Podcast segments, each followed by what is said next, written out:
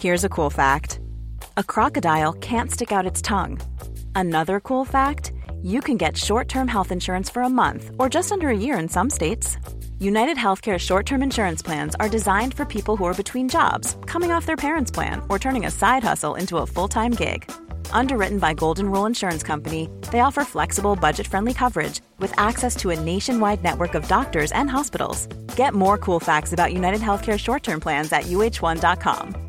Ready to pop the question? The jewelers at BlueNile.com have got sparkle down to a science with beautiful lab grown diamonds worthy of your most brilliant moments. Their lab grown diamonds are independently graded and guaranteed identical to natural diamonds, and they're ready to ship to your door. Go to Bluenile.com and use promo code LISTEN to get $50 off your purchase of $500 or more. That's code LISTEN at Bluenile.com for $50 off. Bluenile.com code LISTEN. Planning for your next trip? Elevate your travel style with Quince. Quince has all the jet setting essentials you'll want for your next getaway, like European linen, premium luggage options, buttery soft Italian leather bags, and so much more. And is all priced at 50 to 80% less than similar brands. Plus, Quince only works with factories that use safe and ethical manufacturing practices. Pack your bags with high-quality essentials you'll be wearing for vacations to come with Quince. Go to quince.com/pack for free shipping and 365-day returns.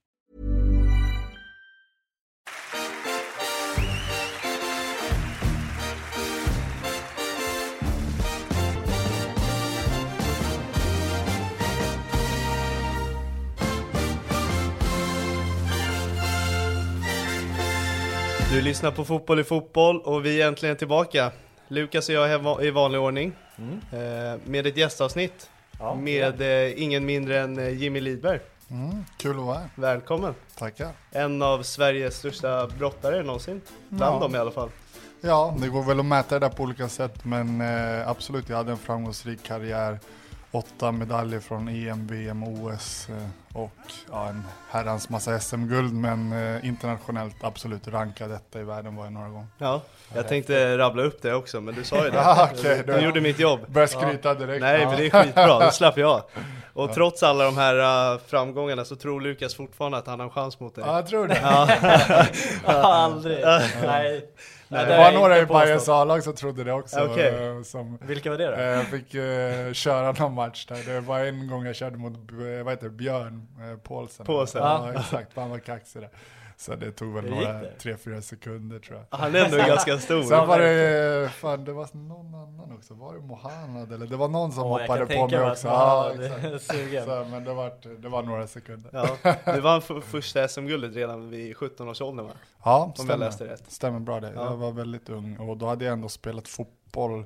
Vi kanske kommer in på det sen, men jag Mm. spelade ju fotboll väldigt länge. Så eh, jag var väl den sista generationen som dubblade egentligen fram till, ja, och det året, juniorallsvenskan, 17 år där. Så, så Wow. ja, jag hann vinna SM-guld tidigt faktiskt. Ja. Hur känner sig motståndaren som är en vuxen karl och åka på spö mot en 17-åring som fortfarande spelar fotboll? Ja, exakt, exakt. Ja, det var nog lite speciellt. Och han var ganska rutinerad också. Han var i slutet på sin karriär Ja. faktiskt. Var runt 31-32 där. Så eh, ja, det var lite kul. Men det var där någonstans det, ja, det blev påtagligt för mig att jag måste välja och eh, efter det där SM-guldet och sådär så vart det ju att jag valde brottningen till slut. Men det var inte så självklart. Nej. faktiskt. Nu i efterhand antar jag att du inte ångrar dig.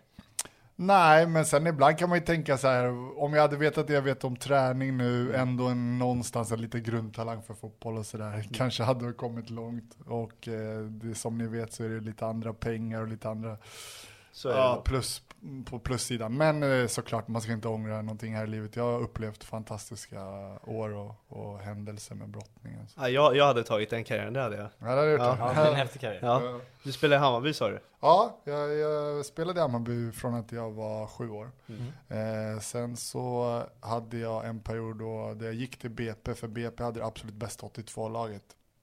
Eh, vi Det har vi pratat om Ja. Vilka, vilka var det nu igen? Bojan Djordjic Ja, var ju det- där, just det. och ja, vi, Micke Runell spelade i Hammarby. Ja, det var, eh, vad heter det, ja, det, jag tror att jag räknade någon gång att det var fem som har spelat någon allsvensk match i alla Ja. fall. Eh, och sen Bojan var ju länge eh, liksom i United och det, sen bar det väl inte hela vägen. Men vi hade ett grymt lag. Mm. Eh, vi tog hem grundserien i pojkallsvenskan, liksom joggade hem det. Men sen så torskade vi SM-finalen sen, eh, om jag minns rätt, mot Malmö, tror jag. Eh, men det var det året jag var med, eller, och sen var jag med det här första året på, i juniorallsvenskan då. Men sen gick jag tillbaks till Hammarby för att tränaren där som vi fick, han var lite så här, straffade mig tror jag, för att jag var iväg på brottningen och inte kom på alla träningar. Mm. Så fick jag bänka lite och sådär och det gillade jag inte, så gick jag tillbaks till Hammarby. Men jag var, om man ska sammanfatta det, Hammarbys största delen av karriären, från liksom pojk, liten pojkspelare till eh, ja, tills jag slutade när jag var 17. Jag får bara en snabb tanke det här med brottningen och fotbollen. Hur stark var du kontra de andra på plan vid den åldern?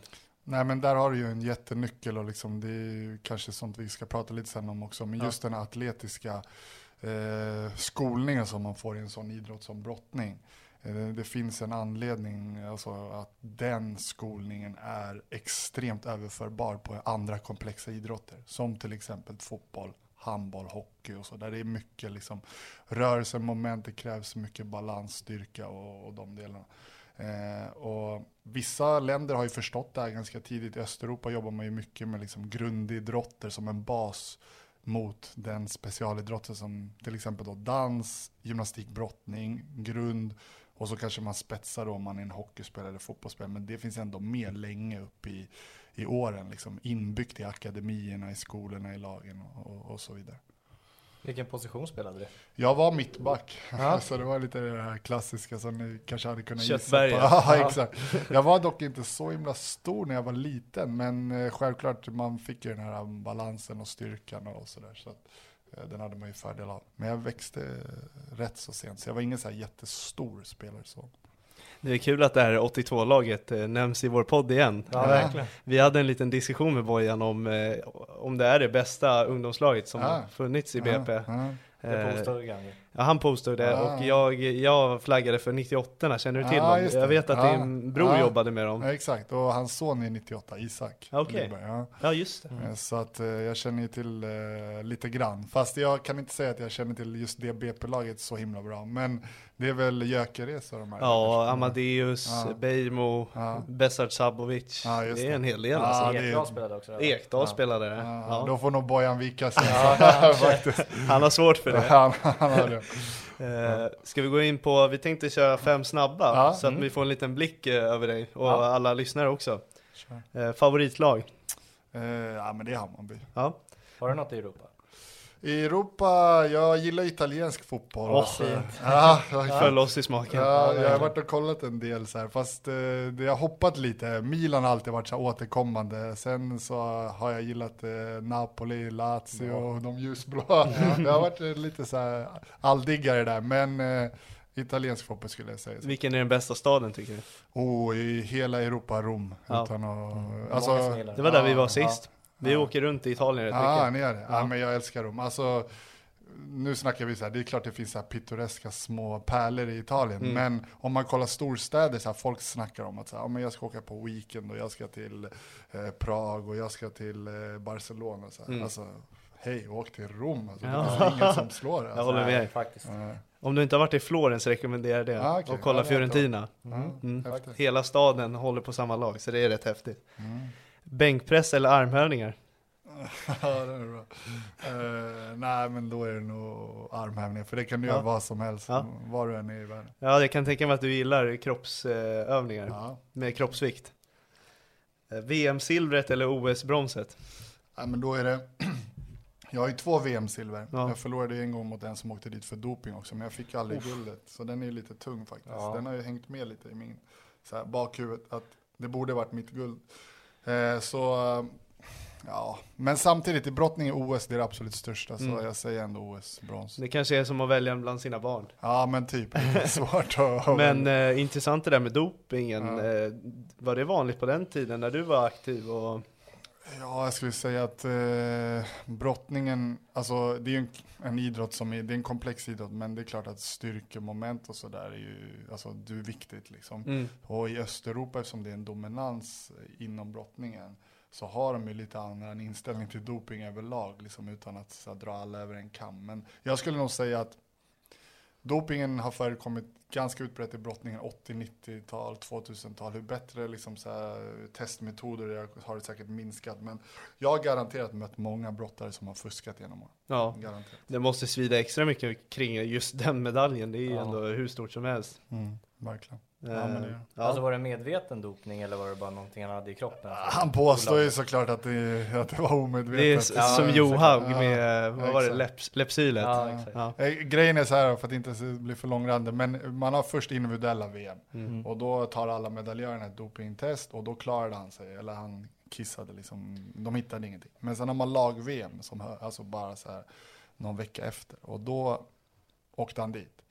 Och grejen är att så här, vi vill ju visa med advokaterna att du kan inte alltså, hinna manipulera liksom, någon, någon vecka emellan. Vad skulle han vinna på det? Liksom? Nej, att, precis. Så här, ja, men jag ska skjuta inom doping, det gör, ger ingen effekt på två veckor. Nej, liksom. nej, nej, nej, Så att, eh, vi misstänker att han hade eh, vad heter det, eh, hållit på och manipulerat med urinet. Mm. Kanske fått någon annan att kissa och så här, men att han hade misslyckats att göra det på lag-VM sen. Ja. Att det var då det var hans riktiga urin. Och så, här, så vi försökte ju med advokater så, men Eh, stor brottningsnation, de har bättre advokater. Så vi lyckades aldrig. Men jag vet ju att han var en fuskare och jag vann, gick till, eller jag vann alla mina matcher i VM ett stort och torskade i finalen med minsta möjliga marginal och mm. han sen åker dit. Så det är en sån här grej som har hängt hela tiden i mitt bakhuvud. Så jag borde varit världsmästare också och det ja. har varit en nagel i ögat. Som... Ja, det. Om det hjälper så är du det för mig. Ja, ja, med. ja. Även om du inte tar mig. Ja, exakt. exakt. UFC eller boxning? Vi håller oss lite kvar på... Ja, nej men då är det UFC. Det är många, jag såg en statistik där att det var, av alla mästare de sista tio åren så är 27 gamla brottare. Mm. Jag tror den näst bästa idrotten var BJJ som hade 12. Mm. Så det är mer än dubbelt så många. Jättemånga brottare som jag har mött, vissa av dem är tränat med. Alltså. Jag såg att du, du har varit aktiv i eh, fightingbranschen om man får säga så, UFC och det. Eh, kommenterat väldigt mycket de svenska fighterna och Ja, lite grann i början när jag slutade. Ja, precis. Jag tränade lite med Alex och eh, var ner lite på Allstar och satte lite strukturer runt brottningen och sådär. Så lite grann, men det var egentligen bara under två år, eh, precis när jag hade slutat själv. Men, mm. men jag följer UFC lite. Och så. Har du någon, eh, har du haft eller har du någon idrottsidol? Mm. Åh, oh, det var svårt. Eh, ja, alltså mång, ingen sådär som jag så här, avgudat sådär, liksom dyrkat. Men jag, jag är ju svag för sådana här liksom, som verkligen gör allting noga, som verkligen så här, förtjänar sin framgång. Typ så här Gunde Svan, liksom. typ sådana här typer. Ja. Mm. Så, som inte så här, eh, glassar. Jag är lite mindre svag för Ronaldinho, liksom, som så här, han är född med någon gudabenådad talang. Visst, det är klart han har jobbat också, men han kunde ha jobbat och varit liksom så här på Maradona och eh, Messis nivå lite till, men han, eh, ja det gick lite för lätt. Han jobbade mer på eh, klubbarna på nätterna. ja, exakt. Ja, typ. eh, innan vi går in på din inblandning hos Hammarby mm. och, och det, tänkte vi snabbt gå igenom din brottarkarriär, för det är ändå något som måste hyllas tycker jag. Ja, verkligen. Ja. Eh, vi fick ju svar på den här frågan, om du har sysslat med något annat än brottning. Mm. du var som sagt väldigt duktig på fotboll också. Mm.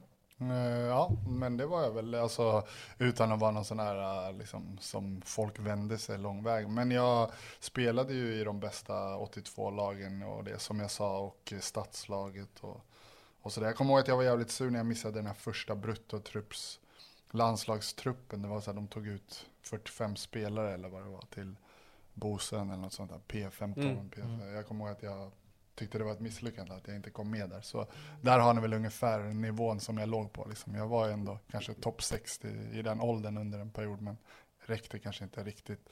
Fanns Katrineholm-lägret när du spelade? Med BP? Jag känner inte, nej, det känner inte jag. Ah, okay. nej. det kanske var en nyare grej. Mm. Det, de skickade alltid de bästa i BP på Katrineholm-läger. Mm, okay. ja. Nej, men det, det förmodligen eh, startade runt min tid där. Okay. Hur var det att ha en brorsa som var framgångsrik i samma sport som dig eh, och jämt kopplas med honom på något sätt? Förstår du vad jag menar? Ja, ja, 100%. Är det något du har använt som bränsle eller har det varit eh, problem? Alltså, den har ju alltid hängt över på eh, rent så här personlighetsmässigt så har man fått kriga för sin identitet. För att det, det är jäkligt svårt att välja och gå samma väg som någon annan har gått som har gjort det bra.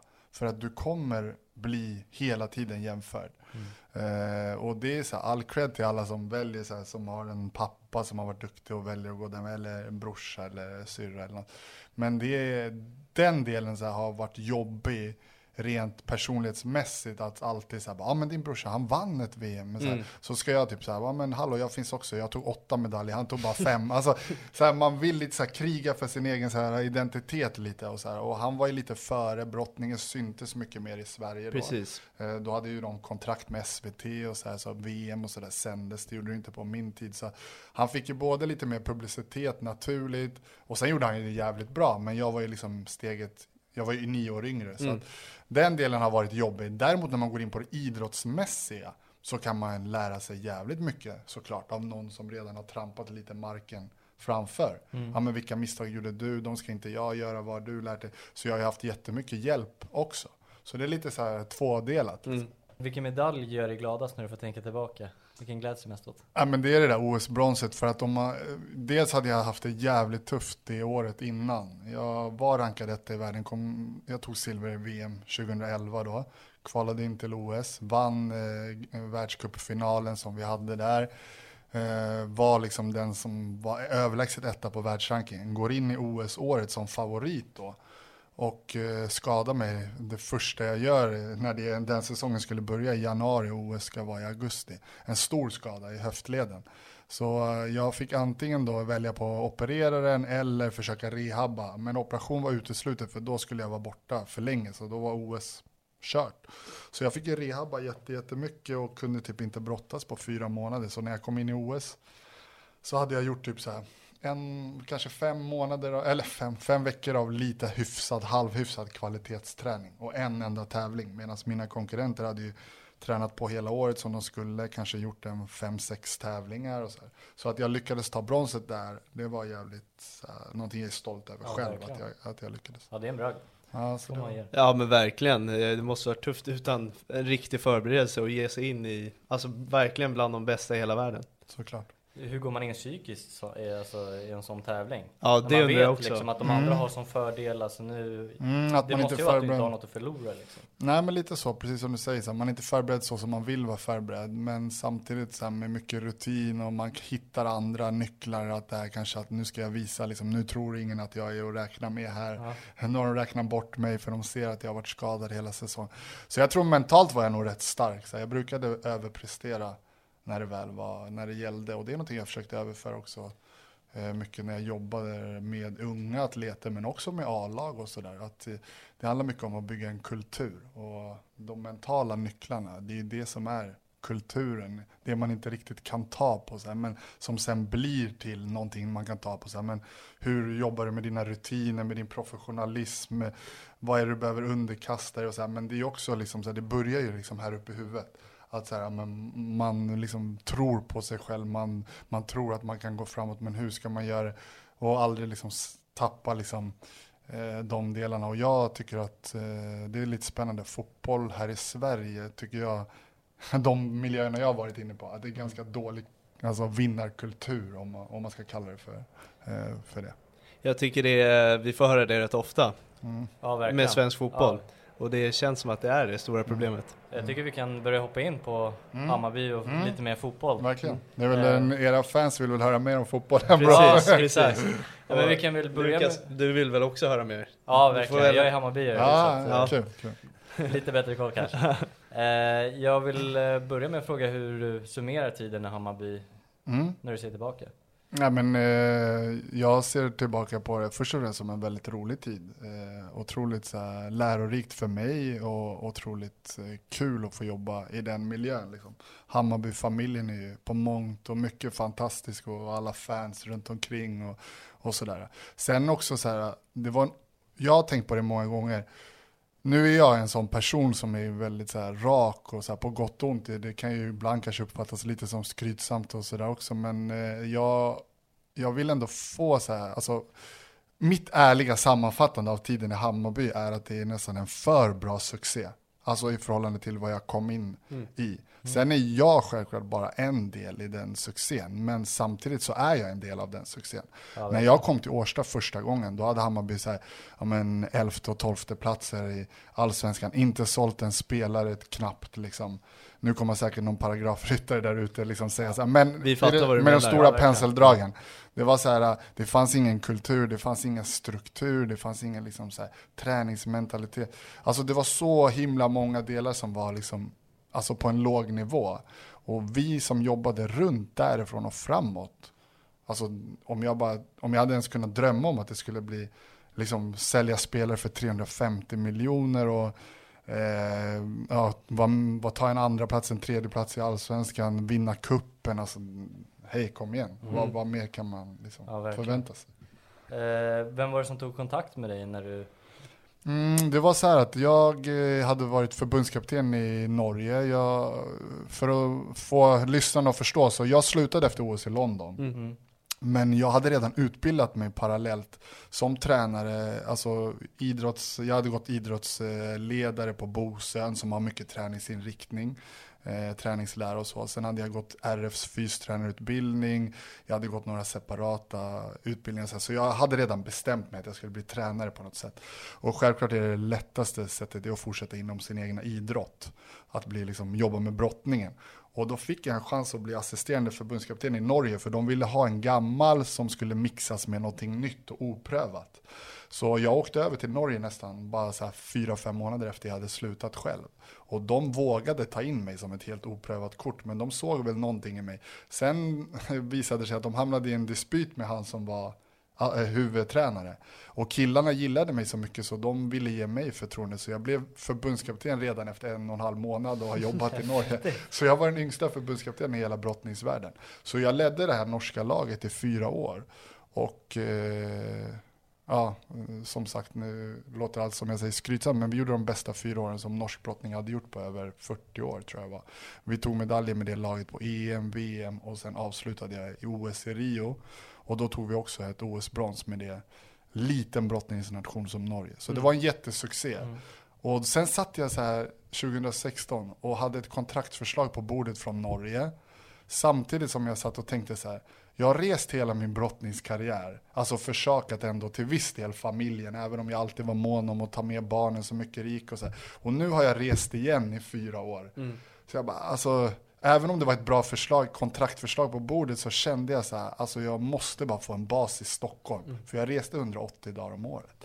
Och då slumpade det sig lite att Hammarby hade sparkat Claes eh, Hellgren, tror jag mm. han heter va? Och precis i den vevan spelade ju brorsans son i Hammarby, Isak. Just det. Och han nämnde det här för mig. Och då satt jag så här, jag bara, jag gör en rövare. Jag drar in mitt CV till Hammarby. Och så så här, innan jag svarade Norge, liksom, så här, det var några veckors liksom, förskjutning däremellan. Och fick svar ganska snabbt, så här, kan du komma ner på Årsta, typ, så här, vi vill ha en intervju, typ, så här, vi vill träffa dig. Och då var det ju Mats Jingblad. Ja, mm. okay. just det. Så att eh, på den vägen var det. Okay. ja, så, så han träffade typ två, tre kandidater, men så fick jag jobbet. Vad var det han ansåg var att du var mest lämplig för det jobbet då? Nej, men jag tror att han såg kombinationen i mig som ledare, att jag hade lyckats så bra, liksom redan både som aktiv visste vad som krävs för att bli bra inom någonting. Det finns många likheter. Kunde fotboll till viss del eftersom jag hade spelat länge. Hade det här ledaråren i Norge liksom, och de utbildningarna samtidigt som jag eh, eh, ja, men som det liksom, jag, var, jag var ganska fram, framåt och sa det. Liksom, så här, jag tror jag kan förändra mycket här. Jag tror att There's never been a faster or easier way to start your weight loss journey than with Plush Care accepts most insurance plans and gives you online access to board-certified physicians who can prescribe FDA-approved weight loss medications like Wigovi and Zepbound for those who qualify. Take charge of your health and speak with a board-certified physician about a weight loss plan that's right for you. Get started today at plushcare.com slash weight loss. That's plushcare.com slash weight loss plushcare.com slash weight loss. This is Paige, the co-host of Giggly Squad, and I want to tell you about a company that I've been loving, Olive and June. Olive and June gives you everything that you need for a salon quality manicure in one box. And if you break it down, it really comes out to $2 a manicure, which is absolutely insane. It's also so easy to get salon worthy nails at home with Olive and June. The difference between how your nails used to look when you did them yourself and now with the Manny system is a complete game changer. The best thing about Olive and June, too, is it's a quick dry. Dries in about one minute, lasts for five days, and full coverage in up to one to two coats. Visit oliveandjune.com slash perfectmanny20 for 20% off your first system. That's oliveandjune.com slash perfectmanny20 for 20% off your first system. Eh, jag kan göra någonting riktigt bra. Så han gillade väl det och tog chansen. Hur var spelartruppens eh, fysiska form? När du kom dit? Mm. Ja, alltså jag hade ju inte så mycket preferenser för var ett allsvenskt fotbollslag ska ligga. Det kan ju, den erfarenheten hade jag ju inte. Mm. Så uh, i det bästa av världar så hade man kanske teamat ihop sig med någon som kanske hade lite mer erfarenhet sådär. Men uh, jag fick ju gå liksom lite så här och bara, hmm, okej okay, vänta, är det meningen att en brottare på 120 kilo ska springa snabbare på ett Cooper-test än en allsvensk spelare? Liksom? är det sant? Alltså det var vissa sådana så aha-upplevelser okay. som var så här, det är något som inte stämmer här. Men det man ska komma ihåg är också så här, att en fystränare är otroligt mycket viktigare i alltså en statusen som den får. Oh ja. Oh ja. Och det jag kan säga är så här att jobbar man lägre ner i åldrarna, då kan man påverka en individ otroligt mycket på alla områden. Mm. Om jag går ner och jobbar med fys med en 11-12-åring, då är det så här, fys, det kan vara inom det begreppet, det är inte att vi står och tyngdlyfter, utan det är så atletisk utveckling, det är koordination, det är kroppskontroll, det är balans, det är massa olika kvaliteter. Mm. Eh, det kommer gå fort att utveckla om man har en bra tränare. Och de delarna kommer man behöva i en komplex idrott. Men du kommer också behöva det rent fotbollstekniska. Utveckla din liksom, spelförståelse, dina fötter och så vidare. När du kommer upp i ett A-lag, då måste man komma ihåg att en huvudtränare, han kan i princip utveckla laget. Det kan han göra. Ja. Men individen kan han inte utveckla speciellt mycket. Han kan göra det om han också är ansvarig för fysen. Men den som är ansvarig för fysen är den som kan påverka individen mest. Alltså när, man, när vi pratar A-lag. Och det här har inte sportchefer förstått riktigt. Och därför ger de inte status till fystränaren. För att ta så här, okej okay, jag får ett Hammarbylag här. Eh, jag ska teama ihop mig med huvudtränaren, Marti här till exempel. Mm. Han kommer att fokusera på så här, strategier för laget, alltså taktik, analysera motståndare och så vidare. Och så vidare. Det är klart att han kan utveckla individen lite grann. Men om jag är ansvarig för det fysiska, om vi säger, vi bara ponerar att jag är 100% ansvarig för det fysiska upplägget. Mm. Jag kan döda individen inom loppet av några månader. Alltså genom att så här, träna sönder dem eller träna dem inte alls, vilket är mer vanligt, att de blir för svaga. Och, men jag kan också utveckla individen genom att göra hans fysiska status relativt snabbt mycket bättre och ge han andra nycklar också så mentalt och det som jag jobbar mycket med. Så att jag skulle säga att fystränaren är mer viktig på ett sätt. Nästan ja, för ett fotbollslag. Förstår du vad jag menar? Ja, eh, och framförallt är det viktigare för individen. Så man måste nog komma ihåg lite så här. Här, här har du allsvenskans bästa trupp. Okej, okay, och vårt mål är att vi ska vinna allsvenskan här och nu. 100% ansatt eller anställ eh, den bästa fotbollsstrategen du kan hitta. Bästa möjliga fotbollstränare. Mm. Men om du säger så här, vår målsättning är att utveckla så många individer som möjligt också. Kanske parallellt med att komma så högt upp i tabellen. Vi vill sälja spelare dyrt. Okej, då behöver du se till så här, vem är det som är våran ansvarig för fysen? Är det huvudtränare som är det, ja men då är det han som även har det på sitt bord. Men oftast är det inte så det funkar i en struktur, utan då är det ju en fystränare. Mm. Då måste du ha in rätt man på det jobbet. Det fanns en anledning att vi sålde spelare så dyrt i Hammarby som vi gjorde. Och det var ändå med små medel. Jag hade velat jobba ännu mer med de här individerna. Och jag tror att hade jag fått göra det så tror jag att vi hade eh, sålt alltså, ännu dyrare och ännu fler. Men bara med det som jag fick in i det där tänket, så jag menar, vi, vi är också någonstans i näringskedjan där vi är. Vi tar en Amo, vi gör han, vi jobbar lite grann med han, bababababam, okej okay, med det som jag kan ge han på ett år har vi tagit han ett steg framåt. Hade jag inte varit där, då hade Amo fortfarande varit, så här, förlåt mig eh, uttrycket, men en talangfull tjockis. Mm. Alltså, mm. Och då hade stoppat där. Det hade inte spelat någon roll om det var Marti, eller om det var Bilbon, eller om det var eh, Pep Guardiola som var. Alltså, och det är det här som är grejen, att så här, för mig är det frustrerande att inte fystränaren får mer eh, cred. cred. Ja, mm. Och det var också lite det som jag hamnade i diskussionen med Hammarby, att så här, jag kan inte komma hit och jobba liksom med en slavlön, med, eller slavlön, men alla de här förutsättningarna är för dåliga också på, för mig personligen för att jag i slutändan ska kunna motivera mig själv att investera hela, alltså jag investerar hjärtat till tusen procent om jag tar ett mm. sånt uppdrag. Ja men jag tyckte det vart ett litet wake-up call för mig själv faktiskt när jag hör hur du berättar om fystränare, verkligen. Ja, vet du vem som är fystränare i Hammarby nu? Mian va? Nej, han är inte kvar längre. Nu är det ju... Eh... Perry Wild är väl huvudansvarig. Ja, det är, det är lite där poängen är. Man, man ser, tar ja, bara det för givet att ja. det sköts bakom stängda dörrar. Ja, det, var, det vart verkligen ett wake-up call efter att lyssna på det. Ja, och jag tror att eh, det som en kille på läktaren ser, det är fortfarande så här hur laget presterar. Och det är det han ska se. Mm. Du ser ju så här, men vad presterar Hammarby? Men när du börjar så här skära ner det lite och tänka så här, okej, okay, vänta nu. Vi har fått in eh, några talangfulla 18-åringar. Vi har gjort dem till bra allsvenska spelare på två år eller ett och ett halvt år eller två eller vad det nu är. Så att det kommer klubbar från stora ligor och vill köpa de här. Hmm, då måste vi göra någonting rätt, eller? Mm. Men du kanske ser så här, ah, men fan eh, laget eh, ser lite trötta ut sista 5-10 minuterna. Så här. De, de verkar inte vara tillräckligt löpstarka. Så här. Och det är det du ser. Du mm. ser så här helikopterperspektiv av det. Men om du börjar bena ner då, så här, ja, men du kanske har en Kennedy Bakircioglu som typ är på slutet av sin mm. karriär. Det spelar ingen roll vad jag gör eller säger, han kommer inte ha förutsättningar att ens utveckla.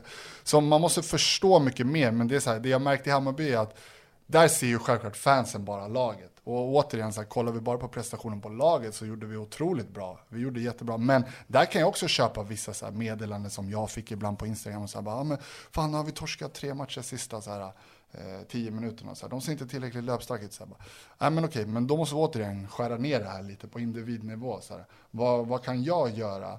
Och vilka spelare är det vi har verkligen på plan. Så här, och ibland hade vi kanske så här, vissa spelare på plan som skulle vara bärande spelare, men rent fysiskt så kunde nog var man ganska begränsad vad man kunde utveckla dem. Men det jag är mest stolt över är de här unga spelarna. Alltså vi kan ju rabbla hur många som helst, liksom, alltifrån liksom de som vi gjorde bra, men som kanske inte har fortsatt sen. Och då får man börja kolla på så här, varför fortsatte de inte sen? Varför tog vi så här, ja men Emil Roback och blev såld till Milan? Så här, okay. eh, vi kan ta Amo, alltså som vi sa till exempel. Odilon, ja han har väl i och för sig eh, fortsatt. Men mm. eh, det ja, finns hur många ja. exempel som helst. Aziz Otara och så här. Skit i samma. Det jag brukar säga är så här, jag sträcker ut hakan, jag, jag är lite kaxig och säger så här, men där sa jag till spelarna också så här, gå till, eh, jag kan inte göra allt i den här konstellationen, Billborn kan inte göra allt, man måste vara ett team. Mm. Men hade jag känt att så här, det som jag kan påverka, att här utvecklas vi inte, då hade jag varit den första som räckte upp handen och sa hej jag är på fel plats. Alltså. Mm. Men jag kunde inte, under de åren jag jobbade i Hammarby, säga en enda spelare som inte utvecklades åt rätt håll. Alltså räck upp mm. handen och säg så här, men Ta en äldre spelare, ja då får du förvänta dig några procents förbättring. Ta en yngre spelare, då kan du förvänta dig. Men jag känner inte att det var någon som backade så här. Ja men en Tankovic, ja men han blev lite bättre utifrån där han var. En Darijan Bojanic, ja men han blev lite bättre utifrån där han var. En Gustav Ludvigsson, ja han blev lite bättre utifrån där han var. Eh, Mohanad Yas, och så vidare och så vidare. Alltså, mm. Så, och sen sålde vi alla de här, liksom eh, Odilon och Aziz och Viljot Svedberg och Amo och eh, Lad och alla som var lite yngre och som vi kunde ta större steg med. Så, ja, Aymar Shear, ja precis. Så det... det är en hel del och ja, bra fotbollsspelare. Eh, jag tycker det är intressant. Sverige har halkat efter mot eh, Danmark till exempel. Eh, och det, siffrorna pekar inte på det spelmässiga fronten utan det är den fysiska svensk fotboll är efter i. Och jag vet att i Danmark så har man eh, en hel tränarstab redan vid 12-årsåldern tror jag det är, om jag läste rätt.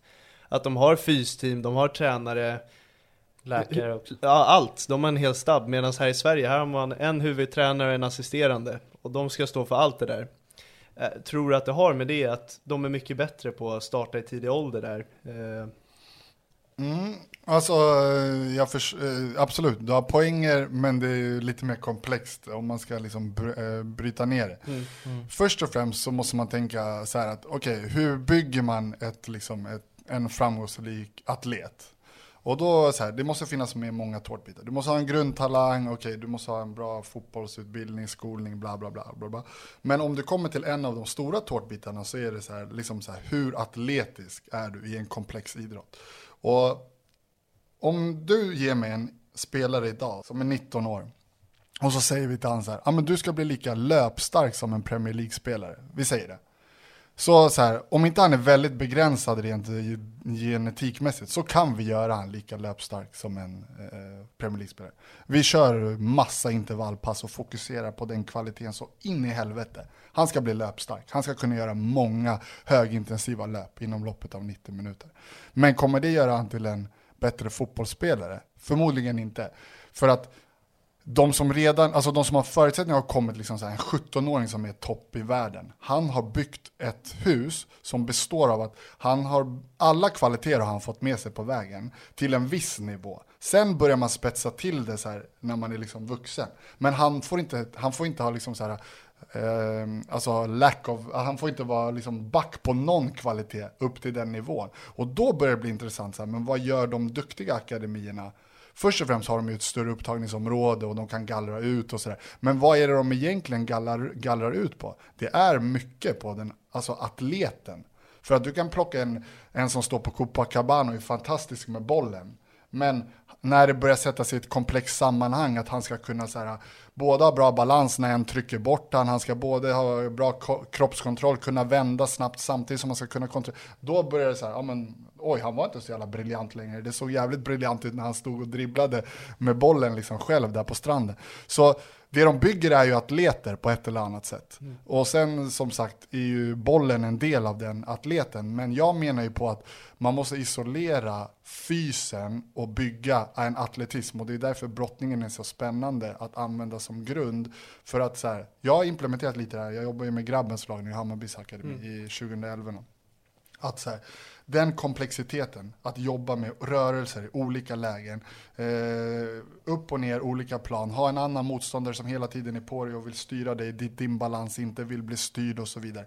Det är det som, jobb, det är det som utvecklar den här atleten. Och atleten kommer att vara överlägsen den här bolltalangen i slutändan. För en atlet kan, har utvecklat muskelnervsystem så att den kan lägga in ett redskap också.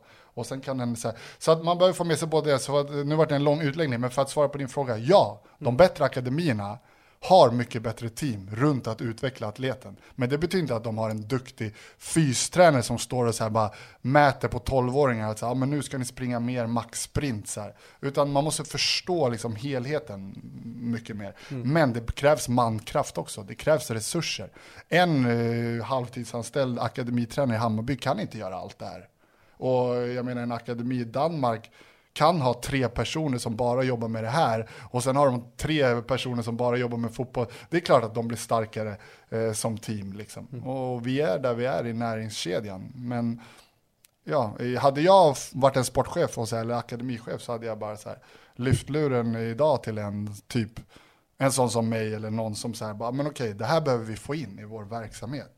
Men det är som att kulturen så fortfarande inte har förstått det här i Sverige och jag, det, det är jag chockad över. Hur jobbade du kontra den tidigare fystränaren i Hammarby? Vad var det som skilde åt så mycket? Nej men eh, jag tror att det är en helhet av att så här, Dels kommer jag från den idrotten jag kommer ifrån. Dels har jag liksom så här, förstår jag fotboll också, så jag kan dra liksom röda trådarna emellan. Och sen så tror jag det handlar mycket om att så här, eh, du måste kunna implementera också det mentalt. Liksom. Det är en helhet, det är så kulturbyggande. Jag tror att jag är ingen klassisk fystränare, jag är absolut inte bäst på eh, det var ju lite det som jag också fick lite kritik för, att jag inte behärskade tillräckligt mycket analysdelen. Att så här, ja, men vi ska ta in all GPS-data, vi ska analysera den i minsta detalj. Så här. Men enligt mig så det är ungefär som om Billborn skulle säga så här, ah, jag står också i gymmet för jag vet exakt hur man förstärker en kvadriceps. Det är inte hans uppgift. Så jag vill ju i sånt fall teama kanske med en analytiker lite mer. Jag kan absolut analysera grunddata från GPS och sådär också, men, men jag tror att min styrka låg inte i det. Min styrka låg i att så här, jag kunde se på en individ, så här, vilka kvaliteter behöver han jobba med för att bli en bra fotbollsspelare, göra lite enkla tester för att få det bekräftat, okej, börja implementera med träningsprogram, ligga jävligt nära och implementera en vinnarkultur i han som jag har fått med mig från brottningen. Liksom så här, gnussa in det liksom mm. så här. Och där få liksom individen att utvecklas. Och jag, jag anser mig vara en av de bästa i världen på det. Mm. Alltså mm. faktiskt. Eh, det, jag, så här, återigen, så här, de som lyssnar, skriv vem som blev sämre, eller så här, men de som jag verkligen jobbade nära. Sen är det alltid upp till individen också. Så här, vill du inte så vill du inte. Men en bra tränare kanske kan få dig att vilja lite fast du egentligen inte vill. Mm. För jag menar, ta Darian första träningen när han kom. Så här, det, ja, men det känns inte som att han ville så mycket. Men eh, han var ganska nöjd där han var. Men eh, jag älskar Darian, så han är fantastisk. Men eh, jag tror att jag kunde vara en av de personerna runt han som kanske kunde få honom att så här, men vänta, fan, du har någonting här gubben. Du har massa delar. Men nu behöver du få in dem här. Och få han att verkligen så här, tänka till. Och börja så här, göra lite mer än vad han hade gjort innan. Och om en sån spelare gör ja, men 70% istället för 50% så händer det åtminstone ganska fantastiska grejer. Hade han gjort 100% mm. så hade han spelat i Barcelona kanske. Mm. Men, så det är lite min styrka också. Så här. Men där måste man vara hands-on. Liksom. Det är ingenting du kan lära dig. Liksom. Du säger det att eh, många spelare har olika vilja och så. Hur är det att jobba med ett fotbollslag? För det är skillnad på personlig träning och sen ha ett helt lag med, hur många spelare är det? 28-29 spelare. Hinner man granska varje spelare och att de får ett skräddarsytt eget personligt eh, upplägg eller Förstår du vad jag menar? Ja, 100 procent. Ja. Det där blir ju kompromisserna. Det är där kompromisserna kommer in. Att om eh, Jesper Jansson hade sagt till mig så här, hej men du är heltidsanställd för att göra Amot är världens bästa fotbollsspelare. Ja, men då är det klart att då kan man gå all in på han och man kan ge helt andra resurser och förmodligen få ett ännu bättre resultat. Annars är man, gör man ju inte rätt uppenbarligen. Men när du jobbar med ett helt lag, då kommer du behöva sprida ut dig. Och du kommer ju behöva kompromissa med de andra delarna som laget också behöver. Alltså det fotbollstekniska, all fotbollsträning. Även om du kan vara med och påverka belastning och sådär Men det blir ju kompromiss. Det blir det. Och det är därför jag brukar ge tipset till yngre så här, som vill verkligen bli duktiga inom en, en komplex idrott. Att jag tror att det finns tre nycklar som jag ser. Det är så här, du måste först och främst vara i en miljö i din dagliga träning mm. som är utmanande, som är liksom det bästa tänkbara miljön som du kan vara i. Men sen så behöver du också jobba individuellt vid sidan om. För att i den miljön så kommer alla de här anpassningarna vara gjorda utifrån ett average. Liksom mm. så att ja, men det här är ungefär vad den här gruppen behöver. Men du kommer behöva ha vissa grejer som du måste jobba med som du måste jobba med. Och det måste du göra med en individuell tränare, pappa, mamma eller någonstans måste det komma ifrån. Och sen måste det också komma inifrån glädjen och det där. Du kan aldrig tvinga en så här 12-åring att så här uh, nu ska vi gå och jobba med Jim här och han kommer att jobba med vissa nycklar som han tror är viktiga för din fotbollskarriär. Om han inte vill det, om han känner att det är pest och pina att gå dit, då är det först och främst min uppgift att försöka få honom att tycka det är kul. Men om jag misslyckas med det, då, då funkar det inte. Mm. Så det, men utifrån det så skulle jag säga att det, det, måste finnas med. En bra daglig miljö, en individuell liksom, eh, tränare som jobbar mer med övergripande fysiska utvecklingen, atletismen och allt det. Och sen kanske en fotbolls, mer fotbollsteknisk del som kan vara en individuell fotbollstränare. Så här. För gör du bara det laget gör, ja men då, vad säger att du ska bli bättre då? Liksom? Då, då är du ju där Då igen. kommer det finnas en ribba. Såklart. Ja. Och då finns det någon där i Brasilien eller Italien eller Frankrike eller någon som gör alla de här tre delarna lite bättre. Mm. Och då, då, kommer du inte ta det hela vägen. Vilken är den bästa fotbollsspelaren som du var wow när du spelade? Roligast eller när du var i Hammarby? Ja, vem, vem var roligast att jobba med? Och vilken var det som du liksom, shit vilken spelare och vilken vilja? Jag hade ju förmånen att ha Zlatan där lite så här uh, några månader. Ja, just det. Han var ju skadad. Och det som är kul lite med Zlatan är ju att han har gjort många av de här grejerna vi har hunnit prata om redan, fast utan att han visste om det själv riktigt. Så här. Han sprang ju runt i Rosengård när han var liten. Det fanns ju, Rosengård det är så här, det fanns en brottningsklubb, taekwondoklubb, boxningsklubb. Allt låg i så här, idrottens hus, eller det är typ i samma hus. Jag har ju varit där någon gång. Han testade ju massa andra idrotter och så här, var ute och spontanidrottade och så här. Så han fick ju en form av atletisk utveckling i en högre grad än vad kanske eh, liksom 98% av de andra fick. Och sen hade han dessutom sin talang, en kroppsstorlek och så här, byggde ihop de här delarna. För det är svårare att bygga en stor kropp atletisk än en liten kropp. Eh, men kan du göra det så kan du liksom vad heter det, komma jävligt, eh, alltså då blir det en, ett vapen. Så att se hans koordinerade kropp på nära håll en som är 1,94-1,95 och vara så pass atletisk. Det tycker jag är häftigt. Mm. Då får jag som fystränare så här rysningar och bara så här, det är det här vi snackar om liksom. Det, det, det, är det här. Så det var coolt. Men utifrån det så tycker jag att vi hade jättemånga eh, spännande liksom, spelare. Jag kommer ihåg liksom, som Odilon till exempel. Vi hade ju förmånen att eh, få jobba med Odilon. Han spelade inte så många matcher i Allsvenskan, men han var ju hos oss under nio månader ungefär tror jag det var. Och då fick ju vi verkligen träna han. Sen åkte han tillbaks för att han var för ung för att. Sen kom han ju igen och så han vi ha han i typ ett halvår. Så totalt sett så var det ändå en träningsperiod på typ ett år och fyra, ett år och fem månader. Och se liksom progression. hans progression, den var enorm och det är helt hans cred. För vi kunde presentera så här, men det här tror jag du behöver göra i gymmet, det här tror jag du behöver göra. Men, och Stefan och Jocke, liksom, det här tror vi du behöver göra. Men han sög åt sig som en svamp. Han ville, han lyfte luren själv och ringde Jimmy, kan vi köra ett extra pass? Alltså han förtjänade verkligen det där. Och det tycker jag var så häftigt att se hur snabbt det kan gå. Självklart har han en, en grundgenetik som inte alla som har. Få. Såklart. Uh, hur är det med spelarna? Har de uh, skräddarsydda kostscheman?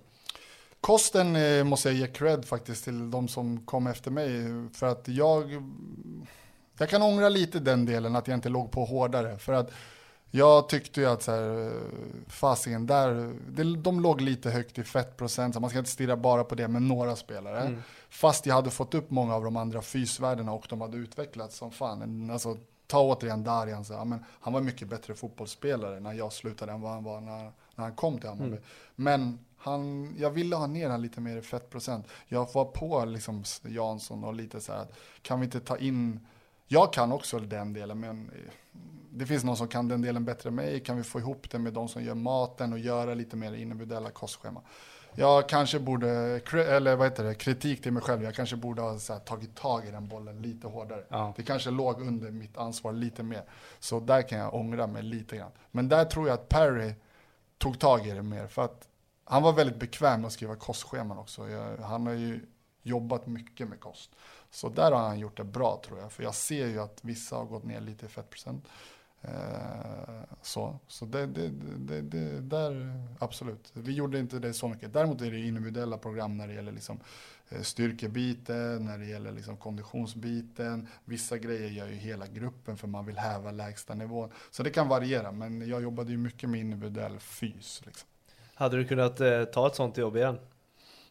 Ja, alltså jag älskar att jobba med idrott. Eh, jag har lärt mig lite mitt egna värde i det och jag har lärt mig lite så här fördelarna och nackdelarna. Jag var lite ny in i fotbollsvärlden så jag hade nog inte bara så här tackat ja bara för att det lät bra. Liksom, mm. så här, ja, men, kom du har chans att jobba här i FC Köpenhamn. Liksom. Det låter eh, spacigt liksom.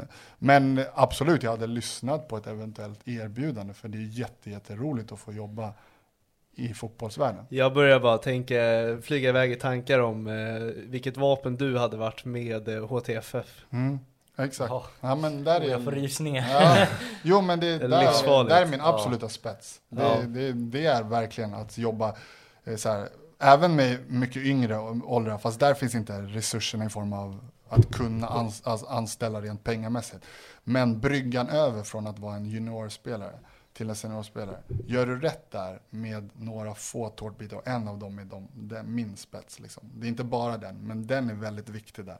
Och då kan du Alltså då kan det hända otroliga grejer. Och det brukar jag säga nu också, så här, nu har ni egentligen en bas av spelare i Hammarby som är mycket mer oslipade diamanter än vad jag och Stefan och Jocke hade i våran kasse. Vi lyckades ändå sälja spelare för 350 miljoner utifrån hyfsad nu i Hammarby. Lyckas de inte spela spelare de här åren nu, nu har det ändå gått snart två år och tre år på sig. Lyckas inte de sälja spelare för det dubbla, då, då måste de börja ifrågasätta sig mm. själva. Mm. Så äh, där ska Hammarby, tycker jag, in med en sån person och ni är helt rätt på det, HTFF. Mm. Ja. Men tycker du svenska, nu får man ju säga sportchefer, snålar på resurserna kring det fysiska?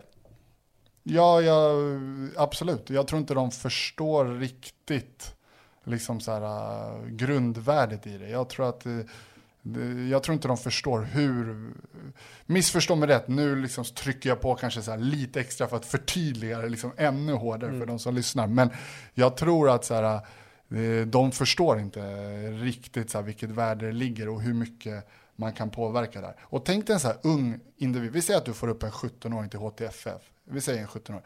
Eh, han är redan nu liksom så här eh, topp i Sverige bland 17-åringar. Okej. Okay. En 17-åring har långt ifrån utvecklat klart sin liksom så motorik, sin, eh, han har inte ens börjat lagt rätt muskelmassa för vad han behöver ha för att kunna bli en internationell fotbollsspelare och så vidare. och så vidare. Låter du det gå två, tre år där och du gör fel, då är fönstret stängt. Alltså då är det typ stängt. Alltså hans motoriska kopplingar har byggts färdigt. Hans förmåga att lägga på sig kvalitativ muskelmassa har minskat med typ 60-70%. Du kommer att investera. Så det är ju liksom kritiska år. Så vill du utveckla spelare så här, du har eh, oslipade diamanter som du vill göra till riktiga diamanter och sälja dyrt. Det är ju här du måste in med resurserna. Sen är det för sent. Och så här, jag vet inte om den planen finns i Hammarby idag runt det. Jag vet att det finns runt hur de vill utveckla spelaren att bli fotbollssmart, att bli, alltså få matchas på rätt nivå och allt det här. Jag tvekar inte en sekund på det. Men jag kan inte tala för hur det ser ut med de här delarna som jag jobbar med och som jag brinner för. Jag, jag vet inte faktiskt om de har en plan för det. Nej, det är sjukt intressant. Men eh, du är ju en av få som är så här duktiga in, inom det här området. Hur, hur många fler finns det i Sverige? Borde fotbollslagen Tror du alla skulle kunna ha ett liknande vapen som dig? Ja, alltså det blir ju lite så här, slå sig själv på bröstet, men eh, jag... Det ska du göra. Ja, men alltså, ja. så här, det är kul när Zlatan är kaxig, men jag brukar säga så här, men jag är fystränaren Zlatan. Liksom, så här, och då brukade de i Hammarby skratta och säga så du har inte en aning, uh, för tänk dig liksom, uh, ja, men i Milan och vilka fystränare de har. Så bara, nej, det, de har inte det. Däremot så har de säkert jätteduktiga fystränare, men de har ju individer som de får in i det här kretsloppet som redan, när de får tagen, det är inte svårt att putsa lite på Messi, han är ju redan en Ferrari. Liksom. Alltså du behöver inte vara den bästa, ska du vara den bästa fystränaren då ska du ju kunna ta en halvhyfsad 16-åring och göra han till en liksom världsspelare. Då är du ju en bra fystränare. Så ja, jag kan ibland vara chockad att inte så här fler har lyft luren och ringt mig eller kanske skickat ett mail och frågat så här, om jag är intresserad av någon tjänst och så. Men ja, eh, jag, jag, jag, vet inte, jag kan inte svara på det, men det finns ju andra duktiga som också tror jag skulle kunna, eller som kan göra de här delarna. Det är inte bara jag, liksom. mm. men det finns inte så många där tror jag. För att jag tror att det finns lite två fack. Antingen är de här som är skolade fotbollsfys helt och hållet, typ rakt igenom. Och då är det mycket det här, liksom så här freshness. Det är lite den här äh, gamla, eller den skolan som har äh, liksom rått ganska länge. Snabba fötter ja, och stege. Ja, styrt och... ganska länge. Och då får vi återigen kolla på så här, ja men är det här anpassat efter att putsa på, på Messi? Eller mm. är det anpassat efter att, att utveckla individen? Liksom så här, eller göra liksom individen ännu starkare här och nu? Ibland på, får man kompromissa även där. Och så här, ja, men, ska vi jobba upp någon nu, då kanske han gör lite sämre prestation här ett litet tag. För att han kommer att vara nedtränad. Har vi råd med det? Det blir hela tiden en prioritering. Medan går du ner och jobbar med en 16-åring, då kan du skrota nästan alla de där prioriteringarna. För där har jag så här, ja, men det spelar ingen roll om han spelar på 90% av sin förmåga nästa match. För att han är tillräckligt bra ändå för att liksom, men vi vill att han ska vara bra om tre år. Ja men då måste man tänka på ett sätt. Liksom.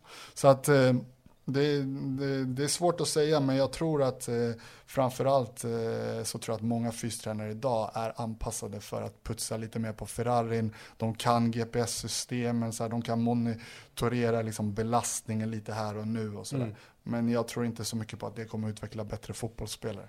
En spelare som jag har i tanke kring det här sättet du pratar om med, med träning är Lukas Bergvall. Mm. Jag vet att ni har jobbat med honom. Mm. Och jag tycker det är ganska tydligt hur långt fram han är fysiskt. Mm. Om du jämför med spelare i samma ålder som honom.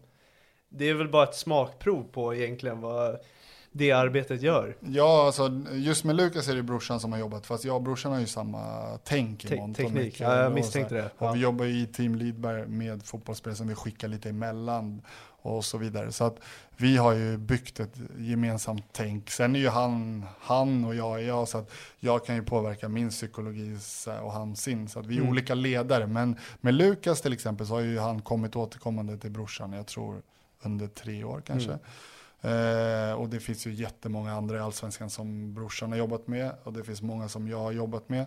Och framförallt så uh, har vi också ett bra exempel i brorsans egna son. Ja men verkligen. Alltså där har du ju ett exempel som så här, ingen grundfotbollssupertalang liksom. Men använda mycket av de nycklarna som vi jobbar med och ändå har lyckats tagit sig dit eh, väldigt, väldigt få svenska spelare tar. Han spelar ändå ordinarie i holländska ligan, startar vecka efter vecka. Liksom. Mm. yngsta debutanten någonsin i Hammarby vet jag. Mm, ja, det kan vara. Mm. Ja. Eh, jag minns eh, tillbaka på honom, han kom ju till A-laget ganska ung mm. såklart och sen det jag kommer ihåg var faktiskt lite del av hans fysik. Jag minns han verkligen som en nia med jävligt bra fysik och bra skott. Ja men exakt, han var nog ganska begränsad så här rent eh, fotbollsmässigt. Men då blir det ännu intressantare att tänka så här, ja men vad kan du göra med en bra fysik? Kan du då Tänk då om du får en som har utvecklat de andra delarna tillsammans med sin mm. eh, genetik, tillsammans med sina fotbollstränare och sen implementera Lidbergs fysmodell. På ja, det. Vad kan du göra då? då liksom? Så Isak har ju lyckats ändå, så här, från den spelaren han var då, som var väldigt fysisk här, för sin ålder så han kunde ta för sig mot en senior väldigt tidigt. Mm. Och då tyckte de kanske, ah, vad spännande, en 16-åring som kan ta för sig. Men samtidigt så, så klädde de av han lite, så här, ah, men han var inte tillräckligt bra på massa andra delar. Men vilken 16-åring är det? Men eh, samtidigt så här, fortsatte han utveckla de andra delarna och idag så han har ju jättemånga fina fotbollsegenskaper. Han har jobbat jävligt hårt för det. Men där tror jag att eh, han har fått jobba extra hårt. Och det är också en grej man ska komma ihåg. Att träna hårt, det är en talang. Och det är att bygga en kultur, att få de här individerna att förstå att så här, okej, okay, det här kommer inte komma gratis. Du kommer behöva jobba. Och det förstod Isak tidigt och sen har han fortsatt jobba med de här delarna. Och han är ju en jävligt internationellt riktigt bra spelare nu. Jag menar, han har väl gjort 8-9 mål i Holland. I ett, mm, jag såg det faktiskt, ja, jag kollade upp det igår. Ja. Eh, och då spelar han ändå liksom ett lag som ligger längre ner. Precis. Nu skriker Hammarby för att han ska komma tillbaka. Ja, ja, ja, ja, Nej, vi måste nog komma in på hur avslutningen med Hammarby. Mm. Mm. Eh, valde tacka för dig. Mm. Det var avslutningen. Nej men alltså det var ju lite tråkig avslutning för jag Det fanns så mycket kompetenta personer i Hammarby, så duktiga till exempel som så här, många tror att jag har någonting ont att säga om Jesper till exempel. Så, alltså, jag tycker att Jesper Jansson har förändrat mycket av kulturen i Hammarby till det bättre. Alltså vi pratade mycket kultur, så här, jag och Jesper och jag vet att Jesper pratade med liksom andra ledare och tränare och så. Och Han, alltså, han har gjort otroligt mycket för liksom så här, sätta en bra kultur. Tyvärr tycker jag att de har rivit ner den lite här på slutet för att flytta på för många poster på en och samma gång. Tänk dig själv så här, om vi är 20 stycken som bygger upp en kultur, då kan det finnas några kulturbärare, om 10 stannar kvar, då kan de lära upp nästa 10 och så stannar de 10 kvar. Men om du flyttar på liksom så 18 av 20 pjäser på en och samma gång, då river du bort den vinnarkulturen du har byggt upp. Mm. Så det känns som att så här, vi byggde upp så jävla mycket bra, men det flyttades på för många ledare, för många tränare och för många spelare på en och samma gång. Men för att återgå till din fråga, jag tycker att i Hammarby så, så här, det var jättemånga kompetenta personer och sådär. Det var egentligen aldrig någon konflikt på så sätt när jag var där. Eh, som många tror att det var turbulent, utan det var egentligen bara det här att när jag väl kände när Milos kom, att jag det här vi har pratat om lite grann, så att jag tror att jag är jävligt duktig på det jag gör och Milos är jävligt duktig på det han gör. Då kändes det som att helt plötsligt skulle han göra det jag gör och jag skulle bara så få ett papper i handen och säga ja men det här vill jag att du genomför Jimmy. Alltså, jag fick inte, med Billborn, då var det så här, då kunde vi sitta i mötes och så här, ja men Jimmy, jag kommer inte klampa in på ditt område, vad anser du om det här, vad ska vi lägga belastningen? Okej, okay. eh, och så kunde jag säga till exempel, ja men jag vill lägga lite extra krut på den här individen, på den här spelaren, men då kommer det vara lite på bekostnad på det här, är det okej okay, Stefan? Ja men absolut. Vad är beställningen från ledningen? Ja, men den här spelaren ska vi sälja. Okej, okay, ja, men då kanske vi måste jobba lite mer med han här. Han kommer kanske prestera lite sämre. Det fanns ett sånt där snack hela tiden. Mm. Men när Milos kom, då var det lite så här, hans väg eller ingen väg. Och jag har egentligen ingenting emot Milos. Vi brukar till och med skriva till varandra ibland på Instagram och så. Men det var den ledaren han var. Mm. Och då var det så här, då passade inte jag in. Då, för då vart inte jag, alltså då kom han med ett papper till mig och sa så här, ah, Jimmy vi har styrketräning idag, jag vill att du gör det här. Och så skulle jag stå i gymmet och läsa upp på ett papper typ vad han ville att jag skulle göra. Så där var det tråkigt och då hamnade jag i ett läge då jag inte presterade på min topp. Då, och Jesper kände av det. Han sa, han sa Jimmy du är inte motiverad när du kommer till jobbet. Och han hade rätt. Jag var inte motiverad de där sista månaderna. Men jag tycker att han glömde bort alla de andra fyra åren och bara så här gav mig lite skit för de där sista månaderna och sen så valde jag då att säga upp mig och det tror jag var rätt att jag gjorde det och då tyckte jag att han fortfarande fokuserade på så ah, men du kom hit och du var inte så motiverad och så här. Istället för att försöka stå, förstå varför. Han sa knappt tack för de där åren. Så det var ett lite tråkigt avslut mellan mig och Jesper. Men i övrigt så, så här, jag hyllar Jesper alltså jättehögt. För han är väldigt duktig på otroligt många delar. Och jag tycker att eh, många av de andra som jag jobbade med i Hammarby är fantastiska individer. Alltså, eh, så jag har bara bra att säga om, om liksom Hammarby på så sätt. Vart du chockad nu när han sa upp sig? Både ja och nej faktiskt, mm. eftersom jag tror att han själv är ganska självkritisk. Och jag tror att han, eh, nu är jag rak också här, men jag vet att era lyssnare kommer att uppskatta om ja, ja, jag, jag, tror att Jesper också kände att så här, jag har begått han, han, är så pass, för att lägga fram det så här, han är så pass kompetent och han har varit med så pass länge, för jag har märkt att han är verkligen kompetent. Han är lite på för hög nivå för allsvenskan egentligen tror jag. Men jag tror att han också såg någonstans att så här, fasiken, jag har begått en del misstag här. Alltså, och det är inte kul att så här, jobba kvar i den här miljön utan att så här, jag kan gå med svansen mellan benen, fast det vill han inte heller göra. Eller så kan han försöka liksom så här, komma tillbaka till en punkt som han redan hade byggt upp till. Det blir, så här, det blir inte så motiverande. Ja, men vi var där och nu helt plötsligt har jag begått några misstag och nu måste jag kämpa för att ta mig. Så jag tror att han i det här sammanhanget både så blev besviken på sig själv, nu gissar jag bara, lite självkritiskt, tappade lite motivation, men samtidigt inte vill springa med svansen mellan benen. Så han gjorde det som var bäst utifrån förutsättningarna då, att säga så här, okej, okay, jag tror att jag har varit här lite för länge. Jag tror att så här, jag kommer lämna ett bättre läge än vad det var när jag, när jag kom, vilket är rätt, ja. alltså stämmer ekonomiskt och mycket sådär. Men samtidigt så tror jag att han själv kände att så här, mm, jag har inte motivationen, så här, jag har begått en del misstag. Han sålde för mycket, jag fattar att det inte är lätt så på men jag tror att det revs ner för mycket. Liksom allt ifrån att jag försvann, tränare försvann, så här, den kulturen och det vi hade jobbat för. Och jag tror inte man ska gå emot sin magkänsla. Liksom, så här. Jag tror att man måste, det var det som jag kände också. Så jag tror att det, det hamnade lite på samma så här, grej. Att, så här, när du jobbar i en, någonting där du känner att så här, fasen alltså, det, det är inte riktigt här jag ville vara. Eller det är inte här, det har blivit någonting som inte jag riktigt. Jag, jag, så jag tror att det, att uh, han sa upp sig själv liksom på de grunderna lite grann. får jag gissa nu. Nu gissar jag bara. Men uh, ja. Jag tror att det blev fel i Hammarby på något sätt. Men uh, med den saken sagt så tror inte jag att, det inte, alltså att allt är kört för all framtid. Det finns fortfarande jättemånga kompetenta personer som, som jobbar kvar där. Och så, här. så är det så. Vi får se vad som händer. Han kommer i alla fall stanna över sommaren nu. Ja, och, och lära upp och bygga exakt. upp. Och det är starkt att man inte så här, äh, säger upp sig och drar med svansen eh, mellan benen. Utan han kan säkert så här, mm, lägga vissa bitar nu och få tillbaks vissa grejer och förstärka det här eh, som är nu och sådär. Nu låter det som jag målar upp en skithemsk bild av Hammarby. Jag får nästan så här, bara av, eller avrunda det här resonemanget så inte alla tror att jag tycker att allt är skit i Hammarby. Det är inte så jag tycker, men jag tycker bara att det kändes som vi hade gjort jävligt mycket bra och nu är inte jag inne där så känns det som att vissa delar hade inte behövt bli ett steg bak utan det hade kunnat blivit så ett steg till fram, ett steg till fram, ett steg till fram. Men där har det nog blivit vissa delar ska jag säga. Mm. Att det blev lite så ett steg bak. Sen finns det ju otroligt många parametrar. Det är ju, vissa kan ju, fans kan ju tro så här, men varför behåller man inte den här spelaren? Men det är ju lätt för oss att sitta och säga, det är svårt när du sitter, när Jesper sitter där med en spelare som vill gå och han har ett erbjudande på bordet. Alltså, vi är där vi är i näringskedjan också, så det är otroligt komplext för att förstå hela den här världen. Liksom. Allsvenskan, det, ja, det, det är svårt alltså. Mm. Eh, ska vi gå över lite på din podd? Mm. Eller har du ja men precis, Nej, men det kan vi göra, absolut. Eh, hur kommer det sig att ni startade podden, Brottabröder? Eh, nej men eh, det var väl egentligen eh, produktionsbolag som vi har jobbat lite med med vår bok, Brottabröder Fight för livet då. Som tyckte att vi, så men ni är så jäkla verbala och så här, de, och de bara, vi har börjat jobba lite med poddar.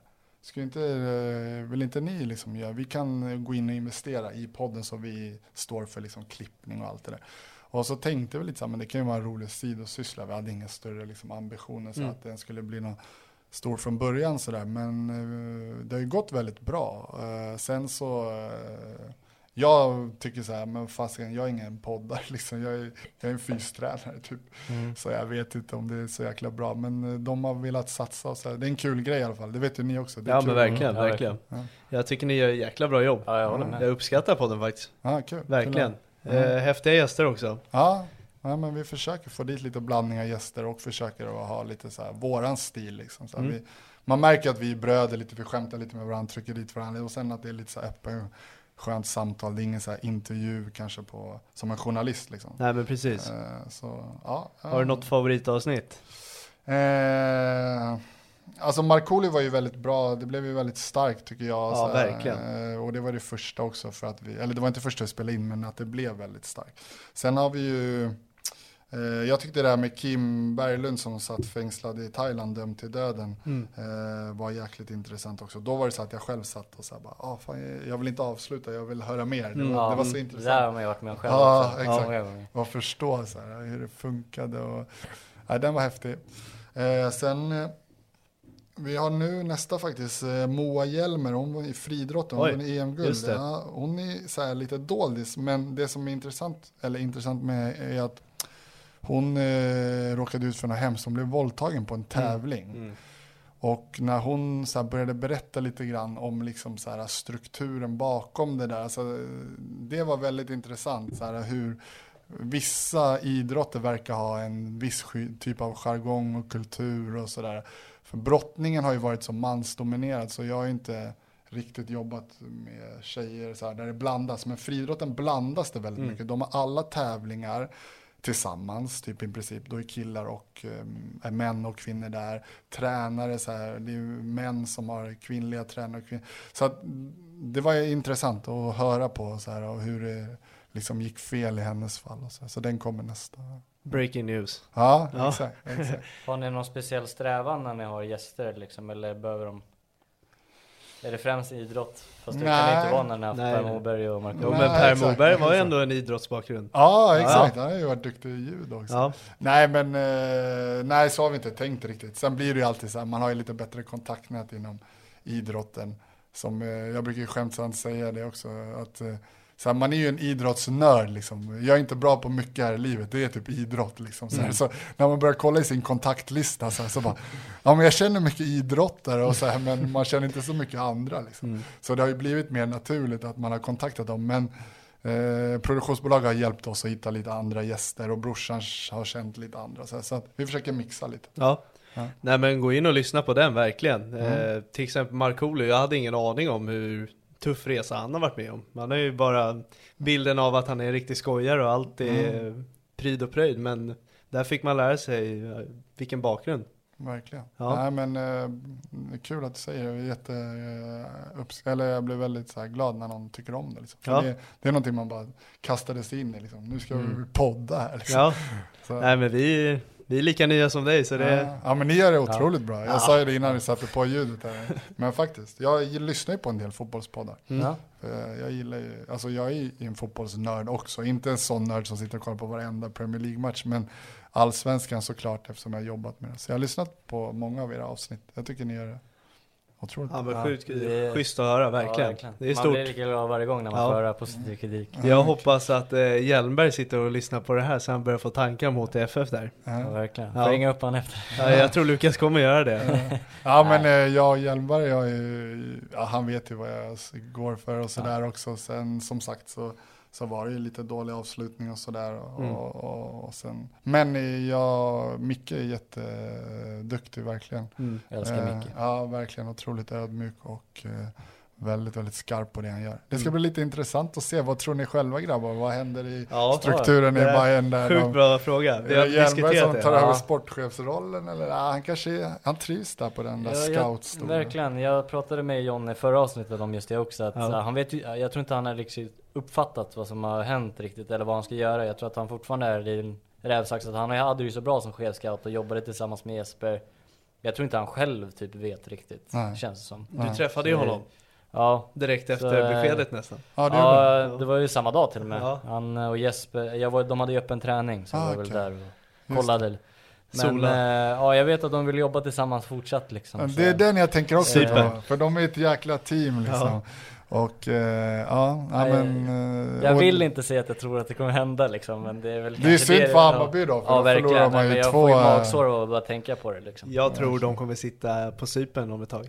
Ja, den är nog ja. inte så dum faktiskt. Nej, jag tror det. Ja. det gör ju ont alltså. Ja, det gör det. Ja, men eh, absolut, för både Jesper och Micke är ju otroligt så här, kanske lite ja. överkvalificerade för Ja, men de är ju hela navet nästan i Hammarby, ja. liksom hur de har skapat HTFF tillsammans. Ja, alltså, de har ju drivit hela Hammarby under Verkligen. Ja, tillsammans med dig då.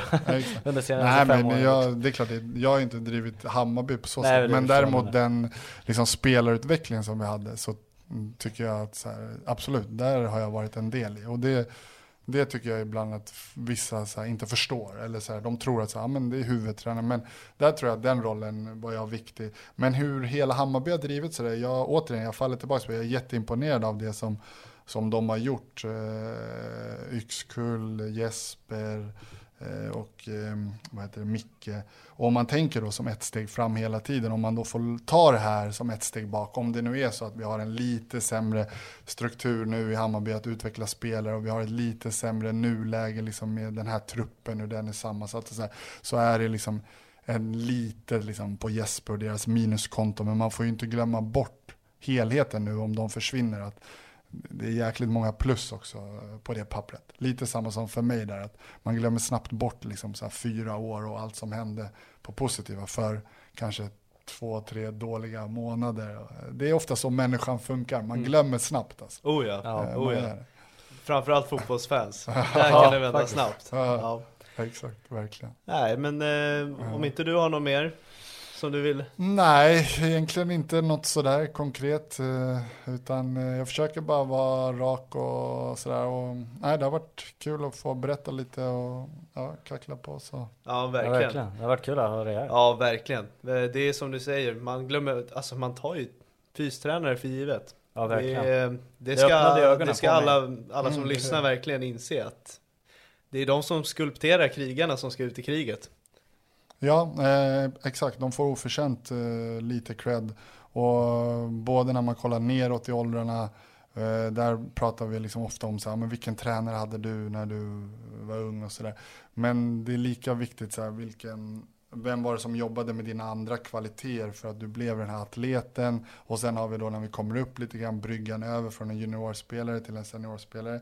Där blir fysen liksom ännu viktigare det här man kan ta på, liksom att säga, men där sätter du din muskelmassa, du liksom börjar toppa med din liksom spets, explosivitet och så vidare. Och sen har du liksom den färdiga truppen, kanske på A-lagsnivå, att där kan du det tar lång tid att förbättra en fotbollsmässigt, liksom så att ja, men du ska bli lite bättre på ditt högerskott eller om du är en 27-28-åring. Men däremot att säga så här, du kommer vara i toppform den här säsongen för vi har periodiserat rätt eller du kommer vara i skitdålig form och det kommer gå 27, eller fem baksida lår här och, och truppen kommer inte då faller det tillbaka på fystränaren, så han är med hela resan. Från en ung individ på något sätt. Och nu kallar vi det fystränare, men det kan lika gärna vara en, en huvudtränare som även har uppdraget att sköta den här delen. Men när man kommer längre upp i åren så blir det oftast renodlat. Och där får fys, alltså en fystränare, en fotbollstränare, huvudtränare, assisterande. Och fystränaren har för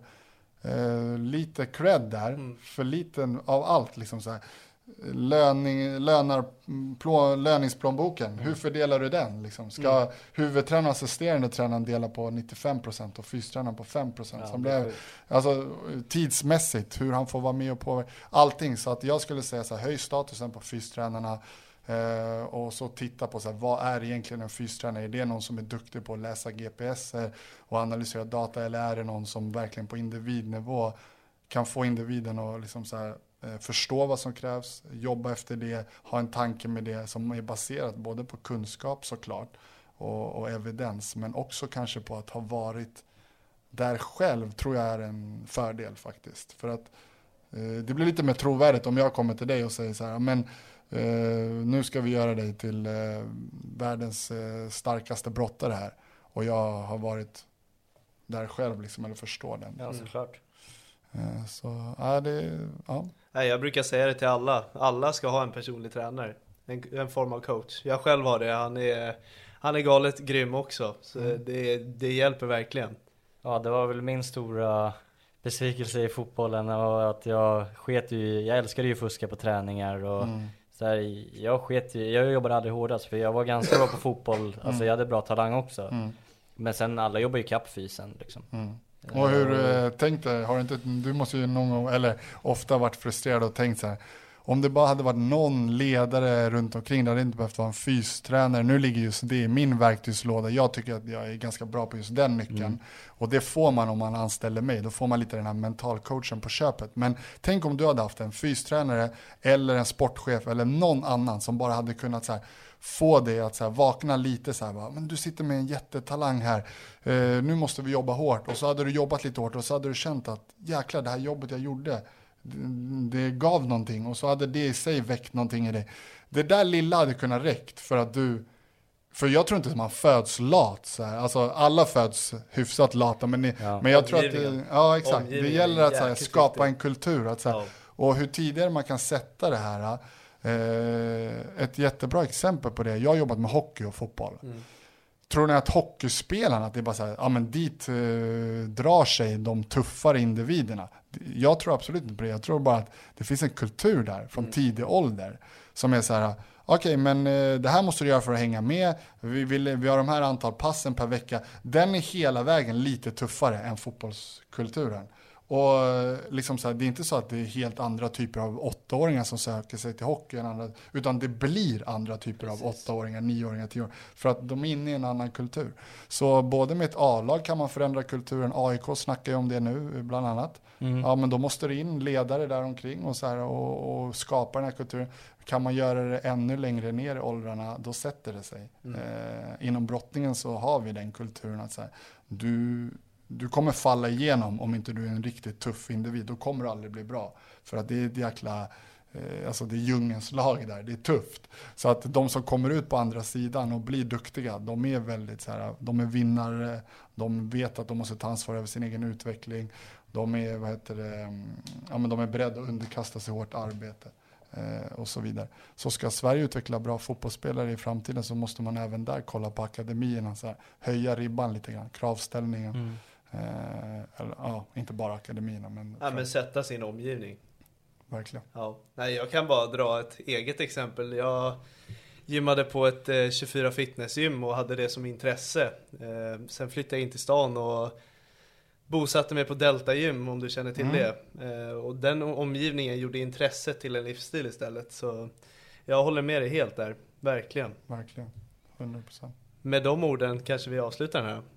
Ja, ja, det har varit eh, jävligt kul. Ja. ja, ni får, det enda jag kan ta på mig är att jag pratar för mycket känner jag. Nej, nej, men det gillar jag. Det är du som är huvudstjärnan i det. Ja, just det här avsnittet. Jag brukar gå in med det. alltid att försöka få den som ja. sitter här att vara den som ja. pratar. Ja, men det är kul. Man så du gjorde ditt jobb. Ja, tack. Och sen som sagt, jag har ju burit på vissa av de här grejerna sen jag slutade i Hammarby lite. Så att man vill så här, jag är så övertygad över vissa saker så mm. jag, eh, jag vill ändå få ut dem och så här. Och, där så är det lite svårare om du är i en ställning av att du inte har lika mycket status från andra. Mm. Om Zlatan ställer sig upp och säger någonting så här, om fotboll, då kommer alla lyssna. Precis. Men om en fystränare ställer sig upp och säger någonting, fystränaren har för låg status i fotbollen. Så, så här, därför har jag, så här, nu hade jag mycket jag ville säga och jag pratade ganska mycket idag, så ni får ta det med, som, ni får gilla läget. Men det är kanske lite mm. på grund av den anledningen, att så här, ja men jag tror att så här, jag har mer att säga eh, än vad många tror och, ha, och en fystränare har mer att påverka än vad många tror.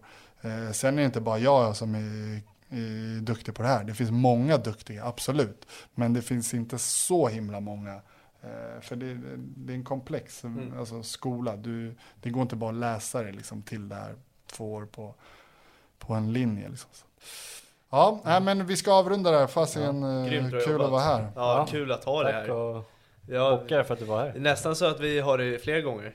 Ja, men ja. vi kan ju också ta någon gång då vi har ett specifikt fokusområde. ja, men precis. Uh, ja, men, och brorsan kan ju också komma med. Det vore sjukt ja, kul. Ja. Verkligen. Verkligen. Uh, tack för att du kom. Tack så jättemycket att jag och fick komma. Och tack till er som lyssnar. Vi fortsätter släppa sådana här kanonavsnitt tycker jag verkligen. Ja, verkligen. Man står verkligen för det nu, när vi har gäster som Jimmy. Ja faktiskt och det kommer, eh, alltså, det kommer väldigt bra gäster framöver också. Yes. Alltså, nej, det kommer bli sjukt bra avsnitt framöver. Precis. Så se till att klicka på klockan så att ni får notiserna när vi släpper avsnitten så att ni, miss, så ni inte missar det. Precis. Ja. Något annat? Nej. Vi tackar för oss. Ja. Du tänkte säga något? Jag tänkte säga, följ oss på sociala medier också. Ja, ja men det kan de också göra. Ja. Tack för det här avsnittet. Tack.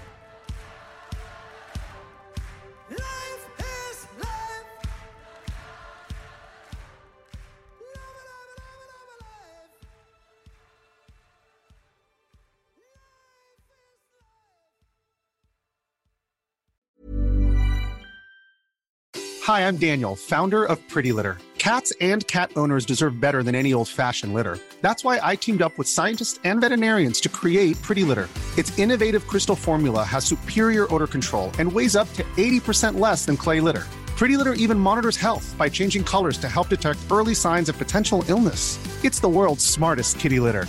Go to prettylitter.com and use code ACAST for 20% off your first order and a free cat toy. Terms and conditions apply. See site for details. Planning for your next trip? Elevate your travel style with Quince. Quince has all the jet setting essentials you'll want for your next getaway, like European linen, premium luggage options, buttery soft Italian leather bags, and so much more. And is all priced at 50 to 80% less than similar brands. Plus, Quince only works with factories that use safe and ethical manufacturing practices. Pack your bags with high-quality essentials you'll be wearing for vacations to come with Quince. Go to quince.com slash pack for free shipping and 365-day returns. Hey, it's Paige DeSorbo from Giggly Squad. High quality fashion without the price tag. Say hello to Quince. I'm snagging high-end essentials like cozy cashmere sweaters, sleek leather jackets, fine jewelry, and so much more. With Quince being 50 to 80% less than similar brands. And they partner with factories that prioritize safe, ethical, and responsible manufacturing. I love that. Luxury quality within reach. Go to quince.com slash style to get free shipping and 365 day returns on your next order. Quince.com slash style.